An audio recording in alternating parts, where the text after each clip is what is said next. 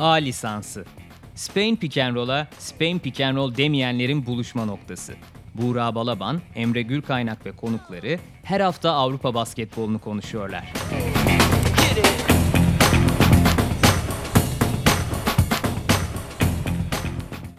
A lisansının yeni bölümünden herkese merhabalar. Biraz e, geç bir bölüm oluyor. Takımlarda hem Fenerbahçe Beko'da hem Anadolu Efes'te sakatlıkları görüyoruz. Burada da ben biraz hastalık sebebiyle podcast'i geciktiren isim oldum. O yüzden bu haftanın maçlarını daha konsantre şekilde yer yer biraz daha hızlandırılmış tur halinde konuşacağız. E, açılışta belki bir fark dikkatinizi çekmiştir. E, Buğra Balaban'ın sesi yok çünkü Buğra Balaban'ın sesi artık e, TSK için en azından bir dönemliğine kullanılıyor.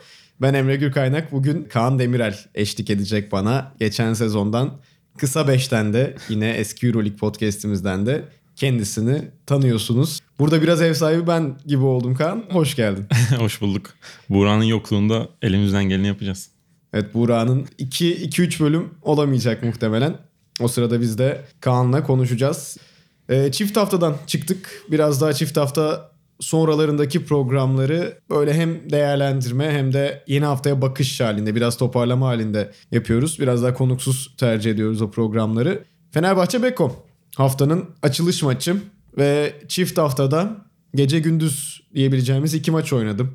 Hem Fener hem Efes e, deplasmandaydı. Hı hı. Zaten iç sahada oynayanlar iki maçı da iç sahada oynadı. Deplasmanda oynayanlar iki maçı da deplasmanda oynadı Euroleague'de.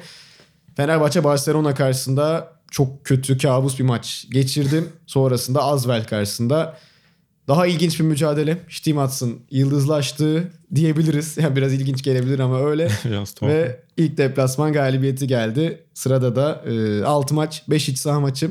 E, Kimki ile başlayacağız. Sana vereyim sözü Kaan böyle giriş yaptıktan sonra. Valla ben e, Fenerbahçe'nin artık yani deplasmanda özellikle maç kazanamayacağını düşünmeye başlamıştım. Kendi evinde de işte kazanabildiklerini kazanıp sezonu tamamlayacağını düşünmeye başlamıştım. Ama e, bence burada ya koçun işte deplasman maçlarından mesela şuradan başlayayım. Asvel, CSK Barcelona deplasmanlarında bana sorarsan ya biraz ilginç gelebilir ama ben CSK deplasmanında kazanmayı daha muhtemel görüyordum Asvel deplasmanında kazanmaktansa. Öyle olmadı. Tam tersi oldu. Asvel bence şunu gördük. Ya Fenerbahçe Fenerbahçe gibi oynadığında işte Asvel gibi takımlara karşı tamam evinde çok iyi oynuyor ama yine de hani kadro seviyesi olarak Fenerbahçe çok daha üstün bir takım neticede. Bu gibi takımlara karşı Fenerbahçe gibi oynadığında rahatlıkla kazanabilir. Şeyine tekrardan geri döndük. Ama bence yine de buna aldanmamak lazım. Yani şunu, şunu, şunu mesela söyleyebiliriz. Fenerbahçe herhalde 3 e, sayı savunmasında ligin en kötü takımlarından bir tanesi. Ve Asvel bunu hiç kullanamadı. Ya dış atışı çok kötü kullandılar. Asvel çok kötüydü. Öyle evet yani şey. genel olarak çok kötüydü. Yani sezon başından beri bu kadar kötü oynadıkları çok yok. Herhalde yoktur. O da biraz işi kolaylaştırmış gibi gözüküyor. Evet yani o yüzden şey dedim zaten. Yani bu maça çok bence aldanmamak lazım. Tamam belki hani oyunculardan gelen katkılar işte maçın Obradoviç'un Veseli'ye işte belki bir gözdağı vermek için mi oynatmalı ya da sakatlığı mı var? Onu da tam bilmiyorum. Ama işte maçın oradaki performansı bence orada uçuna gözdağında birazcık haklı çıkarmış oldu. O bir, bir ateşleme ihtiyacı var takım. Yani belki hani işte maçın o performansı takımı da bir seviye yukarı çekecek olabilir performans olarak diye düşünüyorum. Bir de tabii dediğin noktaya Derek Williams'ı evet. ekleyelim.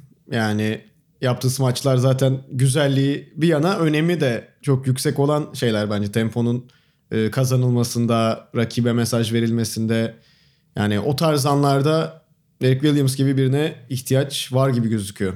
Ya bir de Fenerbahçe taraftarı her taraftar sever de bu tip şeyleri çok seviyor. Yani her smaçtan sonra işte ellerini havaya kaldırıp yaptığı hareketler taraftarı bayağı heyecanlandırıyor ve havaya sokuyor.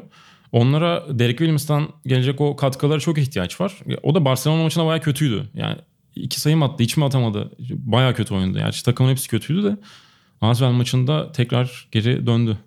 Biraz Slukas'a da son dönemde çok fazla görev düşüyor. E, De zaten sakat. Kim kim maçıyla birlikte e, dönmesi bekleniyor. Oynayacağı e, planlanıyor bu akşam. Slukas'ın en çok asist yaptığı iki oyuncu e, öyle bir grafik vardı. De ile Derek Williams olmuş. Geçen sezon Yan Veseli iken bu isim. Bir anda yeni transferlere kaymış Kostas Lukas. Onu nasıl görüyorsun mesela böyle bir kimya varken Veseli ile aralarında bir anda e, daha farklı bir istatistik ortaya çıkıyor. Bence ona aslında şuradan da bakmak lazım. İlk, ilk maçlarda araları bayağı kötü gibiydi yani anlaşamıyor gibiydiler Sulukas ve Dekolo.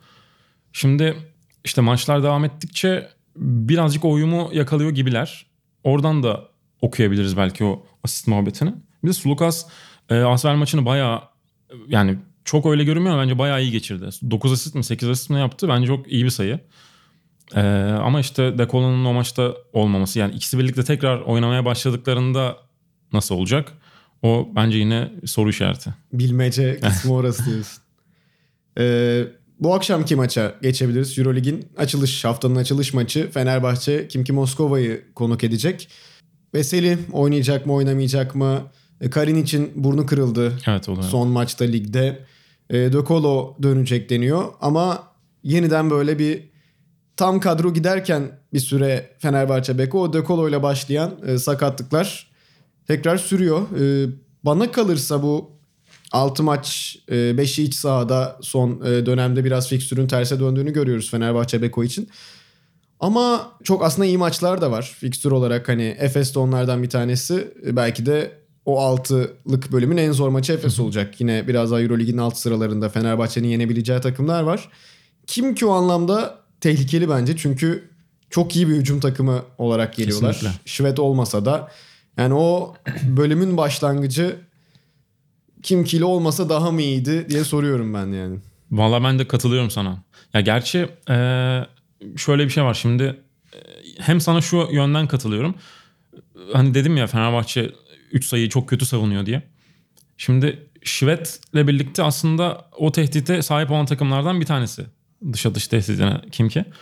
Şimdi Şvet olmazsa eğer bu bir avantaj belki Fenerbahçe için. Gerçi son iki maçta 8'de 1'le attı Şvet. Ya da ya, dezavantaj. da, ya da dezavantaj. Ee, diğer taraftan da şimdi Şivet'in olmadığı zamanda geçen sene formunu bayağı yükselttiğini gördük Kimki'nin. Yani Şivet çok tek başına oynamaya çalıştığı için hani garip yerlerden şut atmaya çalışıyor. İlginç bir e, karakter olduğu için şimdi bu yıl e, bu sezon daha doğrusu acaba Şivet olmadığında nasıl bir takım göreceğiz? Ben mesela geçen sene Şivetsiz Kimki'yi izlemeyi tercih ederdim. Şivetli Kimki'ye nazaran. Ee, daha böyle kompakt, daha derli toplu oynayan bir takım. E, yine dış atışı düşmüyordu mesela Şivet yokken. E, daha derli toplu bir takım görüyordum. Şimdi Fenerbahçe maçında yine belki benzer bir durumla karşılaşabiliriz. Belki hani daha e, yüksek performansla oynayan bir Kimki görebiliriz. Ben de tercih etmezdim herhalde ilk maçta onlarla denk gelmeyi. Çünkü bir de üst üste iki maç kazanma bahsi var bir yandan. Yani ilk kez bunu yapmak istiyor Fenerbahçe Beko. Ve hani bazen nasıl başlarsa öyle devam ediyor ya. e, gerçekten o da oyuncu psikolojisinde önemli olabiliyor. Yani sen söyledin zaten geçen sene Şvetsiz daha organize oynuyordu kim ki. E, bu sene bence ellerindeki kadro daha da organize oynayabilecek e, bir şeye sahip. Her ne kadar tüm takım yeni oyunculardan kurulu olsa da neredeyse. Yani Şvetsiz bu kim ki bir tık da yukarıda olabilir. Ya savunma herhalde. Öne Evet. çıkaracağımız nokta o olacak Fenerbahçe Beko'da. Yani savunmanın bir seviyeye gelmesi lazım. Çünkü yani izlerken görü gerçekten e, çok kötü. Yani zaten Obradoviç de devamlı savunma yapılamayan savunma hamlelerine kızıp duruyor. Mola. İkinci mola. Ya gerçekten hani bir şeyler yap- yapmak gerekiyor artık savunmada diye düşünüyorum. de kim ki de o açıdan iyi bir sınav olacak. Haftanın da bence fena olmayan maçlarından biri Evet. Fenerbahçe'den bağımsız. Çok iyi gitmeyen bir Kimki ile karşılaşacak Fenerbahçe Beko. Onlar da iyi başlayıp tekrar kaybetme trendine geçmişlerdi. Ee, dilersen Efes'e geçebiliriz. Tabii. Anadolu Efes e, çift hafta iki deplasman. Biri Azvel biri Milano. Yani Bryant Dunstan olmadan Evet Tibor. Plyce'ın ekstra performansıyla Efes lider gidiyor. Zirvede gidiyor Barcelona ile birlikte. Valla da uzun bir e, periyot var ligin bitmesine ama ben artık şunu görebiliyorum. Yani en azından Efes o mesajı veriyor. Hani biz belki de ligin en iyi dört takımından bir tanesiyiz. Yani hem kadro kalitesi olarak işte guardların seviyesi bakımından hem de performans olarak gerçekten hiçbir seviyenin altına düşmüyor. Yani hani mesela büyük takımlarda şey vardır ya 3 3 çeyrek işte maçı rolantide götürüp son çeyrek hemen işte kazanabilme durum. Efes bence onu yapabiliyor ve bunu hani ligin devamına da taşıyabilir gibi düşünüyorum. Evet bir de farklı e, yönler takımda ön plana çıkmaya başladı. Hep e, Larkin ve Mitsic'den gidiyorduk. Ama e, işte Eurostop'ta da konuşulmuş aslında. Chris Singleton'ın 5 numaraya geçtiği zamanlar ki bunu Shane Larkin e, sene başında röportaj yaptığımızda söylüyordu. Hani Alec Peters geldi, e, Chris Singleton geldi. Biz artık Singleton'ı 5'e atıp farklı bir şey deneyebiliriz. Mesela Muerman sakatlıktan dönecek muhtemelen bir aya. Onu da hiç e, zorlamamaya çalışıyormuş Efes. Yani dönsün. Erken dönmesine gerek yok. Tam dönsün. Hazır dönsün Muerman noktasındalar ve öyle bir durumda şimdi Muerman 4 Peters 3'e de atılabilir. Olabilir. Yani bu uzun beşleri geçen sene CSK'da işleyen formülü o Hackett'la birlikte zaten bu sene ben çok daha fazla takımda görmeye başladım. Milano mesela e, çok uzun beşlerle başlıyor maça. E, benzer şekilde yer yer Maccabi bunu tercih ediyor. Yani o kullanım çok daha fazla karşımıza çıkıyor ve Efes'te artık bunu yapabilecek elastikiyete sahip oluyor gibi. Ee, sana şöyle sözüne katkı vereyim. Mesela ben Plyce'ın birazcık tökezleyeceğini düşünüyordum aslında. Ee, Milano maçında özellikle. Çünkü mesela Milano kısaları iyi kullanabilen bir takım. İşte ikili oyun oynayabilen bir takım. Rodriguez'le vesaire. Ee, ama Plyce bence hiç sırıtmadı o maçta. Yani gerçekten çok iyi kapattı. Hatta Asvel maçında da yani orada tekim tabii daha kolay ama e, orada galiba çift tane attı. İkisi de galiba çift tane attı iki maçta da. Galiba hani. Ya iki maçta da hiç sırıtmadığını söyleyebiliriz. Bir de Asvel maçında e, Sertaç'tan gelen katkı da önemli. Ee, yani o, o tip maçları hani bir üst seviyedeki oyuncular olmadan da geçebilir artık Efes. Onu da gördük bence. E bir de Plyce'ın Milano maçında o kadar iyi oynadıktan sonra son bölümde e, oynamaması var. Ergin Evet. Ataman'ın tercihi maçı belki de kazanmaya götüren tercihlerden bir, tanesi. tanesi oldu. Yani koç koç formu diye bir şey de varsa herhalde Ergin Ataman e, onun şu an üst noktalarından birinde. Yani şu an işte en winner koçlardan bir tanesi Euroleague'de. Yani Euroleague, Lig bir de işte o dediğimiz alışkanlık evet. mevzusu herhalde gerçekten etkileyici oluyordur. Yani oyuncu da sahaya çıkarken belki benzer şeyleri düşünüyor olabilir. Kesinlikle. Yani Fenerbahçe'nin ligde de çünkü çok fazla kolay geçen maçı yok. Yok yok. Daçka maçı biraz daha kolay geçmiş gibi ama e, sezonun başından itibaren dediğim gibi baktığımızda e, öyle kolay bir maç yok. Yok yani mesela Beşiktaş maçını yine e, son birkaç dakikada kazandı ligde Fenerbahçe. Yani diğer maçlar da öyle. Hep bir yani savunmada her türlü bir sıkıntı var. O da işte hücuma da yansımayınca işler o kadar da istenildiği gibi gitmiyor. Ama Efes'te tam tersi. Yani devamlı hep bir üst seviyeye çıkıyor. Hep bir üst seviyeye çıkıyor. O da kazanma alışkanlığını getiriyor bence.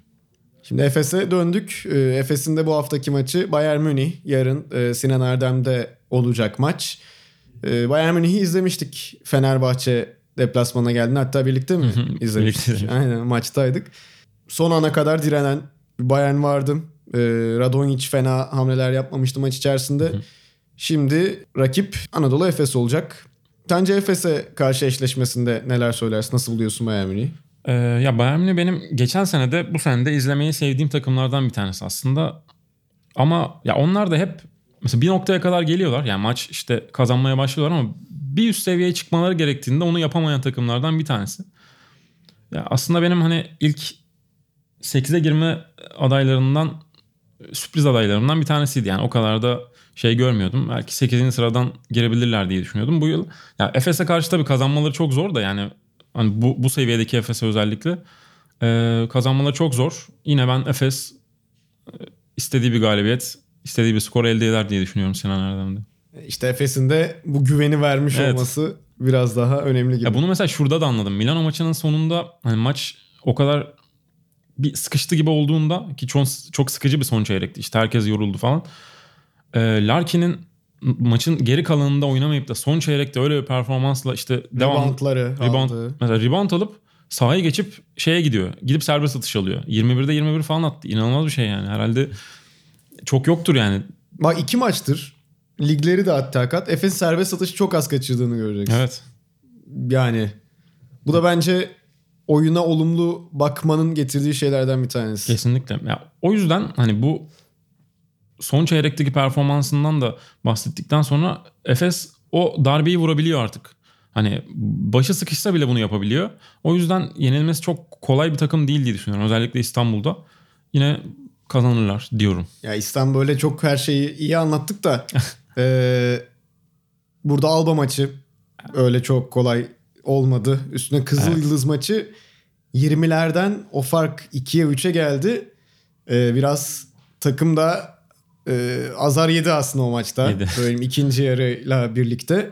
Yani böyle yolda kazalar da olabilecek hissi veriliyor aslında ama Bayern bence de e, ters gelmeyecek gibi. Bana öyle geliyor biraz. Ya kazalar oluyor. Bir de lig çok uzun yani. Hani 18 takımlı yani bir de hani sakatlık olma ihtimali her şey var.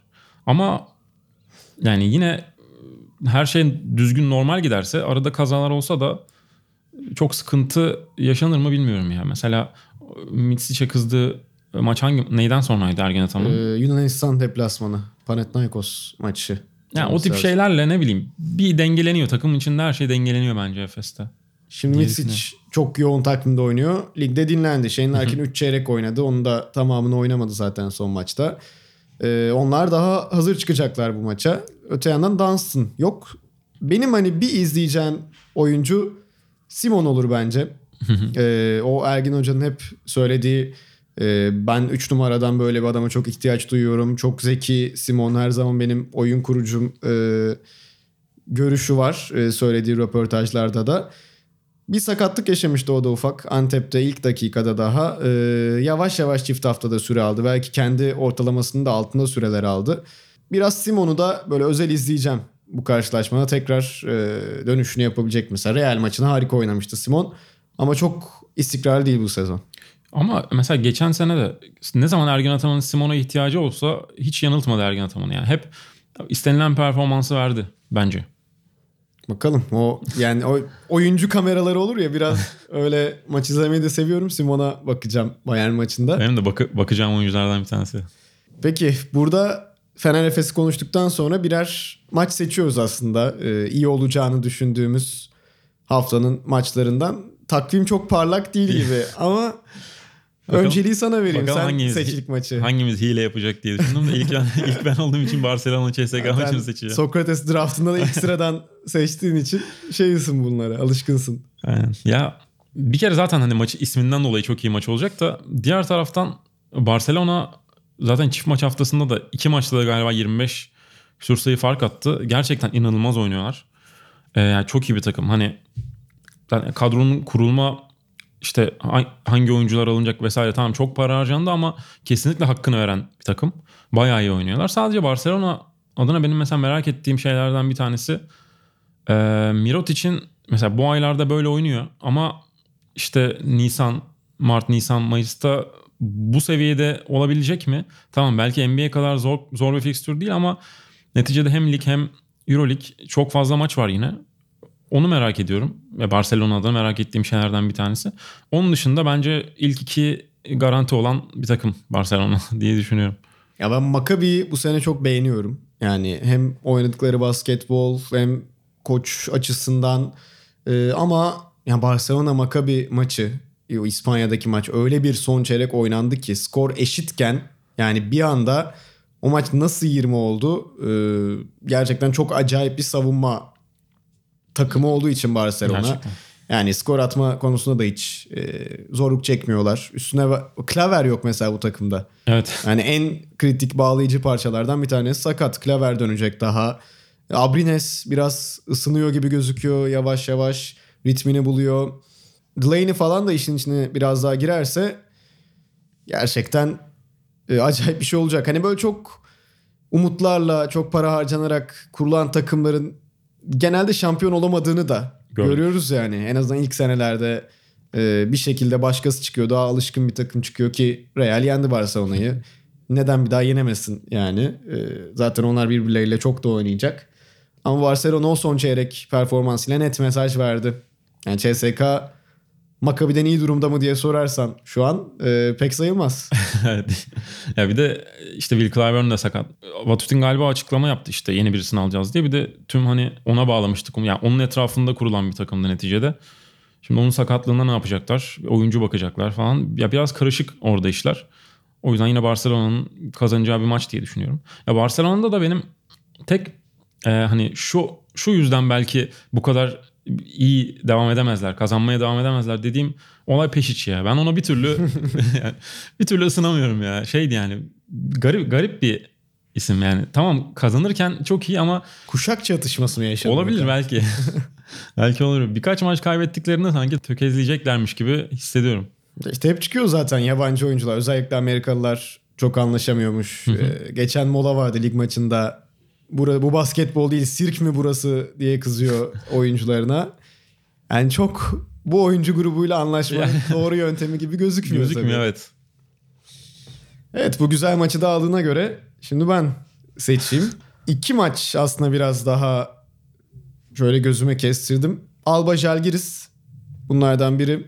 Ama söyleyeceğim maç Panathinaikos Baskonya Tahmin olur. Ee, Zaten Rick Pitino'nun da geri dönüşüyle birlikte yani çok da neden gittiğine şu noktada anlam verilemeyen bir nokta. Panathinaikos Vovoras'la iki maç kazandı. Yani koçsuz takım maç kaybetmedi çift haftada.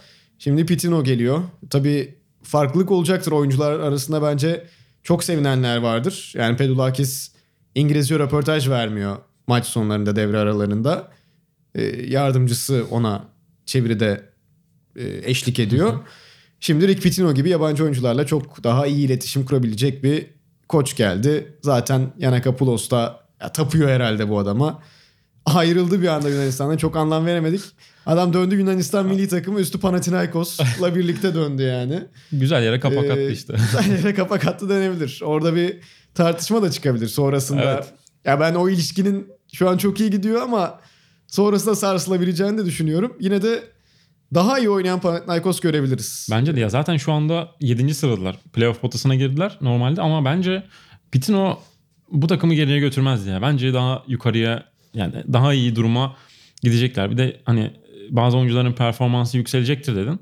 Bence Nick Kalias bunlardan bir tanesi. Kesinlikle. Daha ne olsun? Ya, aynen. Daha nereye Ya yükselecek? yükselir. Doğru söyledin de bence geçen mesela e, geçen sene inanılmaz maçlar hatırlıyorum ben Kalates'ten. Yine bu seviyede ya da biraz daha iyi seviyede devam eder diye düşünüyorum Kalates. Magic Johnson'dan daha iyi pas veriyor sonuçta Pitino Yani için. güzel gaza getiriyor takımı. Rekavicius'la Kalates'e geçen sezon güzel sözleri olmuştu hep. Mesela Jimmy Fredet'le çalışacak şimdi. Fredet de muhtemelen daha mutludur. Kesinlikle. Rick Pitino ile çalışacağı için. Yani çok öyle NBA görmüş oyuncu da var bu kadroda. Pitino bence de biraz daha şey yapacak. Perasovic de çok iyi durumda değil. Evet. Ee, o maç keyifli olabilir gerçekten. Bence de ya Baskonya'da da Perasovic'in durumu da o da kendini şey biliyor mesela. Artık hani kazanamazlarsa muhtemelen o da gönderilecek yani onu biliyor. Zaten geçen galiba basın toplantısında da söyledi. Yani kazanmam gerektiğinin, burada kalmam için kazanmam gerektiğinin farkındayım dedi. Ee, ama Panathinaikos kendi evinde çok kolay kaybetmez diye düşünüyorum Baskonya'ya. Baskonya'ya her ne kadar işte deplasmanda geçen seneden özellikle deplasmanda iyi oynayan takımlardan bir tanesi olarak tanısak da o vakadan çıkmak o kadar kolay değil diye düşünüyorum. Bir de şimdi Pitino gazı, Evet, tribünler o kesin. falan da iyice coşkuyla gelirse o maça çok zor olur işlerim. Kesinlikle. Şimdi sen iyi maçı seçtin. Ben e, çok üzerinden böyle üstün körü geçmiştim ama onu da konuşayım bari. İki maç söylemiş olayım. E, Alba, e, Jalgiris. Jalgiris Kaunas çok iyi durumda değil. Özellikle Kızıl Yıldız maçı. Çok hedef gibi bir maç, hedef gibi görülen bir maç.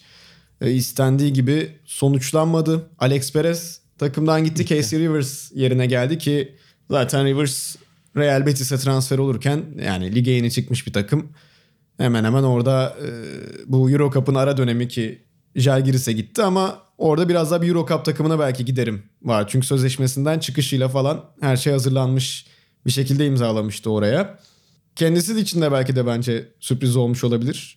Euro Cup beklerken Euro Lig'e gitmek, Jalgiris'e gitmek. Ama çözecek mi hani Perez'den daha iyi top dağıtımı yapabilen bir oyuncu mu? O rolü tam üstlenecek mi? Ee, Volkap'a çok yük kalıyor orada. Neler söylersin? Ya bence Casey Rivers oyuncu değil ya. Yani o, Oyuncu değil ya falan. yani o kadar hani topla atabilecek o işi yapabilecek bir oyuncu değil. Şut atabilen bir oyuncu. Yani o tip işleri yapabilen bir oyuncu ama ya ben onun ikamesi olarak aldıklarını yani bir hani Perez ikamesi olarak aldıklarını düşünmüyorum ki Perez de zaten çok hani kıymetli bir parça değil takımda da Ee, yani Casey Rivers onun boşluğunu dolduramaz diye düşünüyorum. Guard boşluğunu dolduramaz diye düşünüyorum ki en, ligin başından beri zaten guard sıkıntıları var. Hani Şaras da söylüyor sürekli öyle bir sıkıntımız var diye. Ama hani sayı buldurabilecek bir oyuncu neticede Casey Rivers takıma. Yani Şaras gibi bir oyun kurucunun da oyun kurucusuz oynaması herhalde biraz daha onun e, için üzücü oluyordur. Kendisi gibi birini bulamadığı için herhalde. Ya kendisi gibi birini arıyorsa zaten çok arar. Yani o, o açıdan zaten bulması zor. Ama muhtemelen daha kendisini iyi anlayabilen, koçu sahada temsil edebilen bir oyun kurucu isterdi herhalde.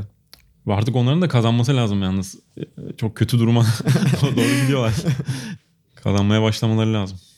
Alba, e, Aito ve Şaras.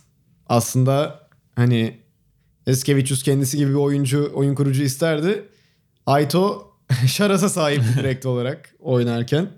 O da hep zaten buradaki e, A lisansının herhalde en çok konuşulan 3 ismi arasına girer Aito. E, sempatikliği, o hani kazanamıyor, winner değil diye eleştiriliyor ama yetiştirdiği oyuncular, işte Allen'in anlattığı bazı şeyler var. Antrenmanları çok çok başkaydı. Oyuncuyla çok çok başka ilgilenirdi.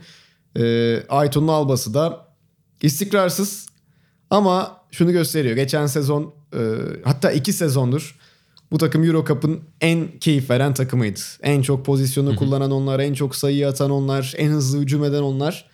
E, Euro Lig'e geldiler. Zaten çok kazanamayacaklarını herkes tahmin ediyordu. Yani bu Evet. takım playoff'ta kimse görmüyordu. İstikrarsızlar dedik ama en çok sayı atan olabiliyor. Yani bir maçta çıkıp 105, 100'ü geçebiliyorlar. Aynı hızı sergileyebiliyorlar. O açıdan hani karakteri koruma açısından da Alba'yı ben ayrı bir yere koyuyorum. Evet ya birincisi zaten şu yüzden eğlenceli bir takımlar bence. Yani bir maçta işte 65 sayıda kalabiliyorken dediğin gibi bir maçta 107 sayı 105 sayı atabiliyorlar. O yüzden izlemesi keyifli bir takım. E bir de koç yani izlemek için yeterli sebep diye ben de düşünüyorum. Keyifli bir maç olacak bence de. Ama buradan galip çıkan takımı ben kestiremiyorum açıkçası. Yani kim kazanır dersen bir Zor. cevap, cevap veremiyorum ki ikisi de 3-7'de galibiyet mağlubiyet şeyinde. İkisi de e, zor bir maç olacak bence. Evet bu hafta aslında şeyi çok konuşmadık. En favori takımlarımız Milano, Maccabi çok konuşmamış olduk. Onların maçları çünkü bir Azver'le oynuyor. Ee, Bir Olympiakos deplasmanında. Ee, Önümüzdeki haftalara tekrar bırakalım. Milano'yu, Maccabi'yi, e, diğer takımları aynı şekilde. Bu haftalık A lisasında e, bu maçları yine Fenerbahçe, Beko'yu, Anadolu Efes'i konuştuk. E, Çift maç haftasının ardından. Fenerbahçe ve Anadolu Efes sahada olacaklar. Dileyelim e, ikisi de kazanacak. Fenerbahçe ilk üst üste ikinci galibiyetini almış olacak bu sezonda. Ben Emre Gürkaynak. Bugün bana Kaan Demirel eşlik etti. Birkaç bölüm daha Kaan'la birlikte olacağız. E, dilerim ki keyif almışsınızdır A lisansı. E, yine konuklarıyla da Euroleague konuşmaya devam edecek. Hoşçakalın. Hoşçakalın.